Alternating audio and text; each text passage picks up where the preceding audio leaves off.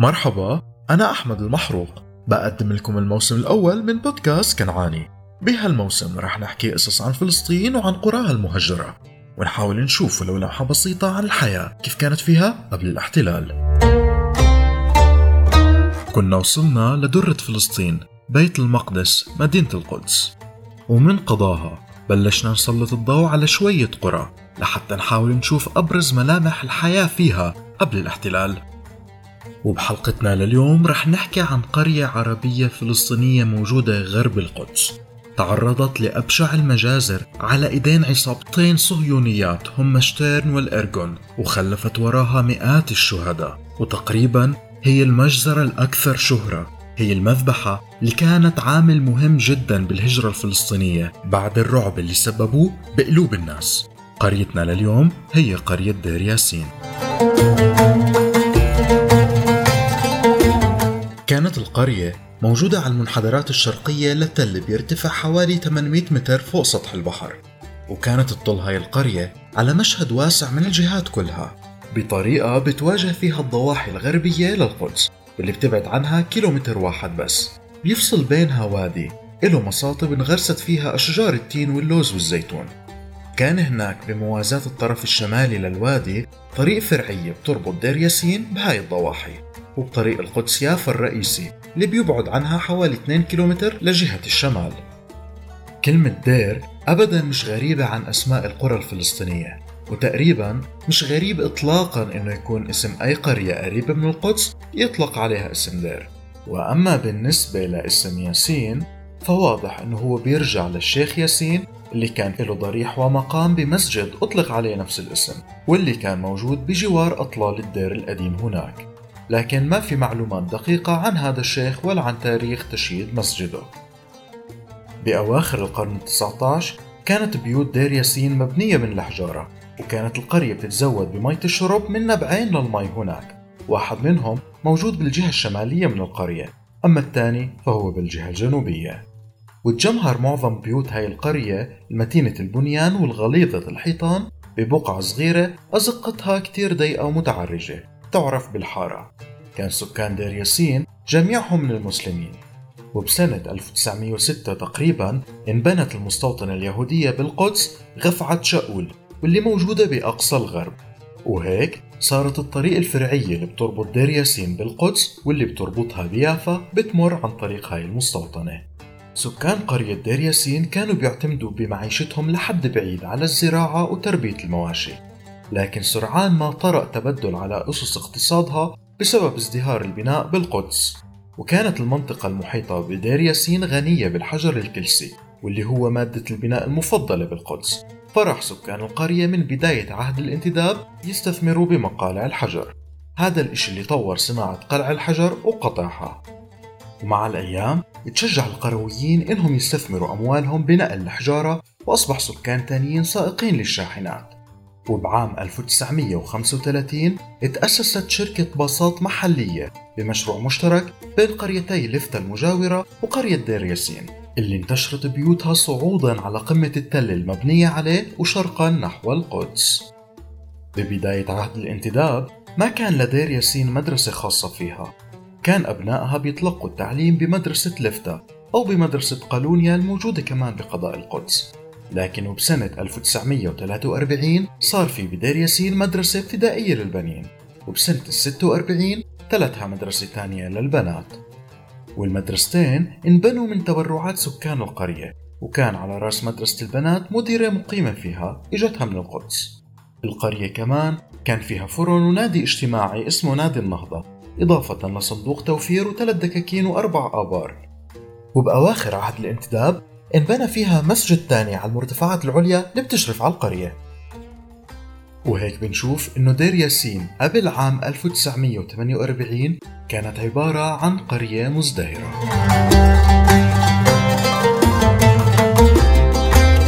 بدت القصة من 7 نيسان إبريل عام 48 بعد ما استشهد القائد عبد القادر الحسيني بمعركة القسطل فتهيأت قوتين من العصابتين الإرهابيتين إرجون وشترن تهيأوا بأكثر من 300 مقاتل لاحتلال دير ياسين. فحوالي تقريبا الساعة الثانية من صباح 10 نيسان تحركت وحدات الإرجون بالإضافة لعناصر من إرهابيي الهاجنا والبالماخ لاكتساح دير ياسين من الشرق. وتبعتهم جماعة شتيرن بسيارتين مصفحتين حطوا عليهم مكبرات للصوت. وبيحكي بيجن بحديثه عن المذبحة إنه العرب دافعوا عن بيوتهم ونسائهم وأطفالهم بقوة وكان القتال يبدو من منزل لآخر. كلما احتل اليهود بيت فجروه وبعد تقدم بطيء بالظلام وقبيل ساعات الصباح الأولى بدأ احتلال القرية بأكملها وتدميرها على من فيها. ودخل إرهابيي عصابة شتيرن معهم السيارة المصفحة اللي عليها مكبرات الصوت وبيحكوا بصوت عالي للعرب إنكم مهاجمون بقوى أكبر منكم. إن المخرج الغربي لدير ياسين الذي يؤدي إلى عين كارم مفتوح أمامكم. فاهربوا منه سريعا وأنقذوا أرواحكم. سكان القرية اللي صدقوا النداء خرجوا من بيوتهم هاربين لكن للأسف تم اصطيادهم برصاص الإرهابيين الصهيونيين. وأما اللي ضلوا ببيوتهم ومعظمهم من النساء والأطفال والشيوخ فأجهز اليهود عليهم. صار الصهاينة يرموا القنابل لداخل البيوت ويفجروها. كانت عندهم أوامر أنه يفجروا كل بيوت ويقتلوا كل شيء بيتحرك. واستمر تفجير البيوت وإطلاق الرصاص على الناس لحد ظهر 10 أبريل نيسان عام 48 لحد ما تم احتلال القرية بأكملها. من بعدها إجت وحدة من الهجنة حفرت قبر جماعي كبير دفنت فيه أكثر من 250 جثة عربية. أكثرهم من النساء والشيوخ والأطفال وعلق جاك دي ريني رئيس بعثة الصليب الأحمر الدولي بفلسطين عام 48 واللي قام بنفسه بزيارة دير ياسين وفحص القبر الجماعي وشاهد أكوام القتلى من العرب ووضع تقرير عن ذلك بالفرنسية ونشره فذكر ما تعرض له من صعوبات جمة وعقبات كثيرة وضعتها الهجنة والوكالة اليهودية بطريقه منعوا منع الصليب الأحمر من أداء مهمته. بعدين كمل لم يرفضوا مساعدتي فحسب. وإنما رفضوا أيضا أن يتحملوا مسؤولية ما يمكن أن يحدث لي. وكانت العصابة ترتدي ملابس الميدان وتعتمر الخوذات. وكان جميع أفرادها شبابا ومراهقين ذكورا وإناثا مدججين بالسلاح المسدسات والرشاشات والقنابل اليدوية. وكان القسم الأكبر منهم لا يزال ملطخا بالدماء وخناجرهم الكبيرة في أيديهم. وعرضت فتاة جميلة تطفح عيناها بالجريمة يداها وهما تقطران دما وكانت تحركهما وكأنهما ميدالية حرب. وبكمل كان هذا فريق التنظيف. كان واضحا أنه ينفذ مهامه بجد متناهٍ. ولقد حاولت دخول أحد المنازل فأحاط بي أكثر من 12 جنديا مصوبين بنادقهم الرشاشة نحوي ومنعني ضابط من التحرك قائلا إذا كان ثمة موتى فسيحضرونهم لي. فأثار كلامه غضبي الشديد فقلت لهؤلاء المجرمين رأيي فيهم وهددتهم ودفعتهم جانبا ودخلت المنزل. كانت الغرفة الأولى مظلمة كل شيء فيها مبعثرا ولم يكن هنالك جثث. وفي الغرفة الثانية المليئة بالأثاث الممزق وكافة أنواع الشظايا رأيت بعض الجثث الباردة. هنا تمت التصفية بواسطة الرشاشات والقنابل اليدوية والسكاكين. وتكرر الأمر نفسه في الغرفة المجاورة. وعندما هممت بمغادرة المكان سمعت أصوات تنهدات وبحثت عن مصدر الصوت مقلبا الجثث وعثرت بقدم صغيرة حارة. كانت فتاة في العاشرة من عمرها مزقت بقنبلة يدوية ولكنها لا تزال على قيد الحياة. وعندما هممت بحملها حاول الضابط منعي من ذلك فدفعته جانبا حاملا كنزي الثمين. ثم وصلت عملي وأصدرت الأوامر بإخلاء البيوت من الجثث. ولم يكن هناك من الأحياء غير امرأتين. إحداهما عجوز اختبأت خلف كومة من الحطب وكان في القرية ما يزيد على أربعمائة شخص. وقد هرب ما يقارب الأربعين. وأما الباقون فقد ذبحوا دون تمييز وبدم بارد. عدت إلى مقر الوكالة اليهودية في القدس وواجهت زعماءها الذين يتصنعون عدم الرضا عن مثل هذا العمل. ولكنهم لم يفعلوا شيئا من أجل منع ارتكاب مثل هذه الجريمة التي لا توصف. وبيحكي كمان رئيس بعثة الصليب الأحمر الدولي إنه بعدها قابل العرب واللي طلبوا منه إنه يرجعوا لدير ياسين ليدفنوا شهدائهم وبتابع قبلت المهمة وعدت إلى دير ياسين حيث واجهت قادة الإرغون وهم في حالة عصبية وحاولوا منعي من دخول القرية. ففهمت مغزى تصرفاتهم لدى مشاهدة عدد الجثث المعروضة في صف واحد على حافة الطريق العام وطلبت بحزم المباشرة بعملية الدفن.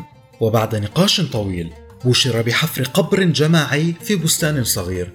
وبعد يومين انسحبت الإرجون واحتلت الهجنة مواقعها. انتشر خبر مذبح الدير ياسين مش بس بفلسطين وإنما بالعالم كله. وتزايدت معها الحرب الإعلامية العربية اليهودية بعد هالمذبحة.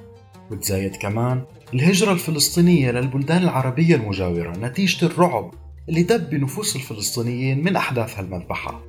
اللي عملت ببشاعة على تأليب الرأي العام وتشكيل الجيش اللي خاض حرب ال 48 وبعد مذبح الدير ياسين استوطن اليهود القرية. وبعام 1980 قام اليهود بإعادة البناء فوق هاي القرية.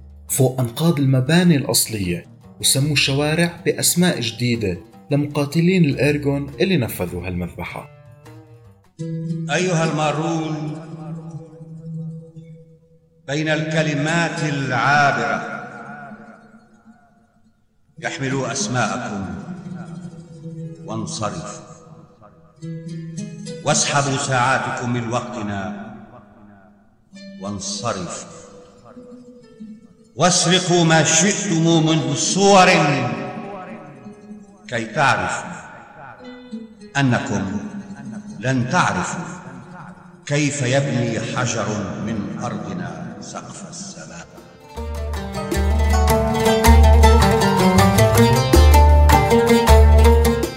كنت معكم أنا أحمد المحروق قدمت لكم هاي الحلقة من بودكاست كنعاني. بالنهاية إذا عجبتكم يا ريت تدعمونا بالاشتراك والتقييم. وتشاركوا الحلقة مع أصحابكم. خليهم يعرفوا أكثر عن المحتوى اللي بنقدمه بهذا البودكاست. شكر كبير للفنان الفلسطيني نزار روحانا واللي موسيقاه كانت عم ترافقنا كخلفية طوال حلقات هذا الموسم واللي هي من أغنية يا رايح صوب بلادي للفنان اللبناني أحمد قعبور. شكرا كتير ونلقاكم مع بودكاست كنعاني جديد. يا رايح صوب بلادي دخلك وصي السلام. لهم رب الحمام وخلي اني انادي بعدها ممنوع الاحلام الا ايامها ببالي. والله بتعز الأيام. الا ايامها ببالي. والله بتعز الأيام.